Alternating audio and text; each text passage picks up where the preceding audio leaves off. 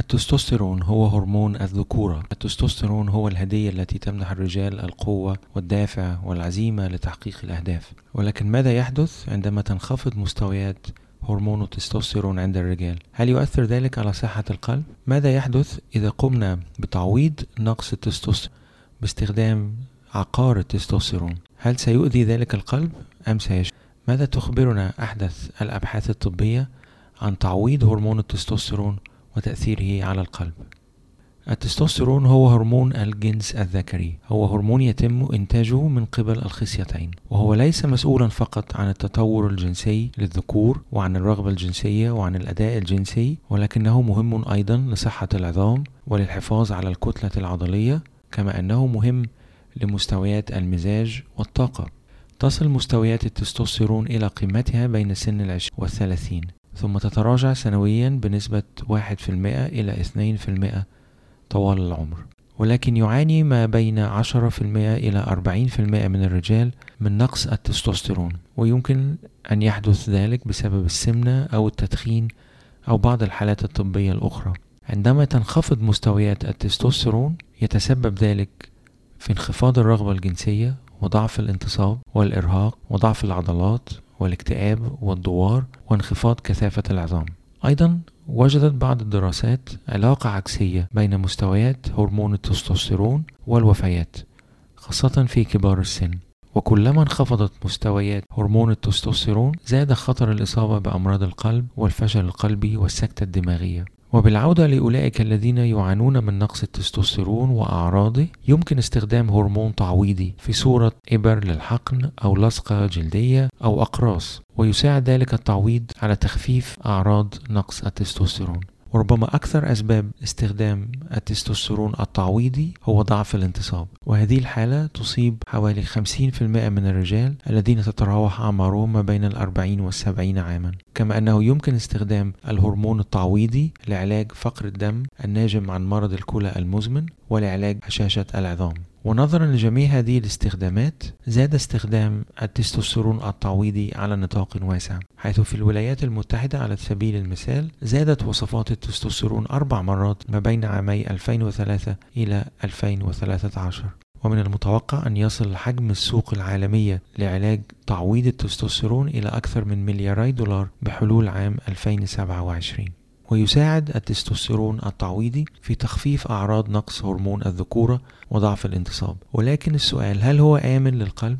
أظهرت الدراسات السابقة على الرجال الذين يتناولون تعويض التستوستيرون نتائج متباينة حيث أشارت بعض الدراسات إلى زيادة خطر الأمراض القلبية في حين أشارت بعض الدراسات الأخرى إلى انخفاض خطر الأمراض القلبية. لهذا السبب أصدرت إدارة الغذاء والدواء في مارس عام 2015 توجيهات تتطلب من مصنعي منتجات التستوستيرون إجراء دراسات سريرية لمعرفة ما إذا كانت تعويضات التستوستيرون لها علاقة بارتفاع أمراض القلب أم لا. وقد صدرت نتائج أكبر دراسة عن التستوستيرون التعويضي في الشهر الماضي حيث قامت مجموعة من الباحثين من كليفلاند بالولايات المتحدة بنشر نتائج تلك الدراسة في مجلة نيو إنجلاند للطب في يونيو من هذا العام. قام الباحثون بدراسة أكثر من خمسة آلاف رجل ما بين سن الخامسة والأربعين وسن الثمانين وكان لديهم جميعا عوامل الخطورة لأمراض القلب بل كان نصف المرضى لديهم أمراض قلبية وعائية سابقة وكان نصف المرضى أيضا من عمر الخامسة والستين أو أكبر.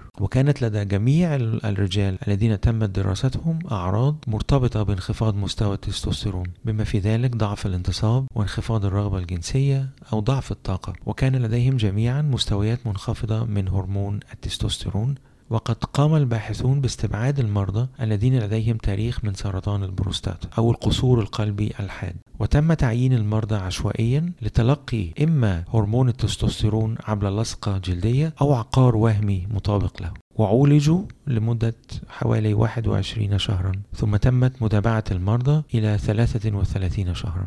نظر الباحثون إلى نسبة حدوث أي مرض من الأمراض القلبية الوعائية مثل الإصابة بجلطة دماغية أو بمتلازمة التاج الحاد أو الجلطة القلبية كما نظروا إلى الوفاة بسبب أمراض القلب أو الأوعية الدموية والزيارات الطارئة للفشل القلبي وأمراض الشرايين التاجية وحتى الجلطات الوريدية خلال فترة الدراسة ارتفعت مستويات هرمون التستوستيرون في المجموعة التي تعرضت للتعويض الهرموني مقارنة بالمجموعة التي تلقت العلاج الوهمي. ولكن تم إيقاف التستوستيرون أو العلاج الوهمي في المرضى الذين تجاوزت مستويات الهرمون لديهم النسبة الحرجة كما تم إيقاف العلاج التستوستيرون أو العلاج الوهمي في المرضى الذين تم تشخيصهم حديثا بسرطان البروستاتا خلال الدراسة أو الذين كانوا عرضة لخطر الانتحار. نظرا لأن هرمون التستوستيرون يزيد من خطر الإصابة بسرطان البروستاتا ويزيد أيضا من خطر الانتحار.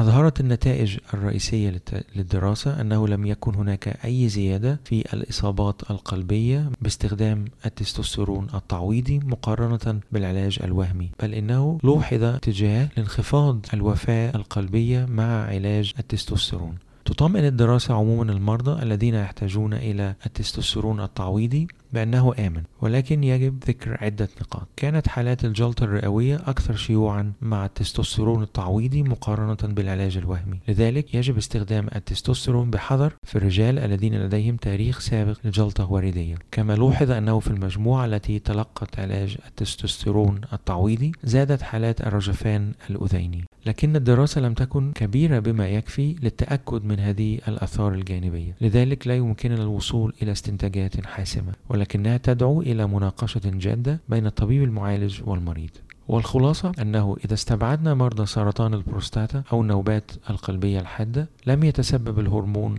التستوستيرون التعويضي في زيادة الإصابات القلبية أو النوبات القلبية الحادة أو السكتة الدماغية. لذلك يمكن اعتباره علاجا آمن. ولكن يرجى مناقشة الحالة مع الطبيب المعالج لمعرفة ما إذا كان التعويض بهرمون التستوستيرون مناسبا لك أم لا.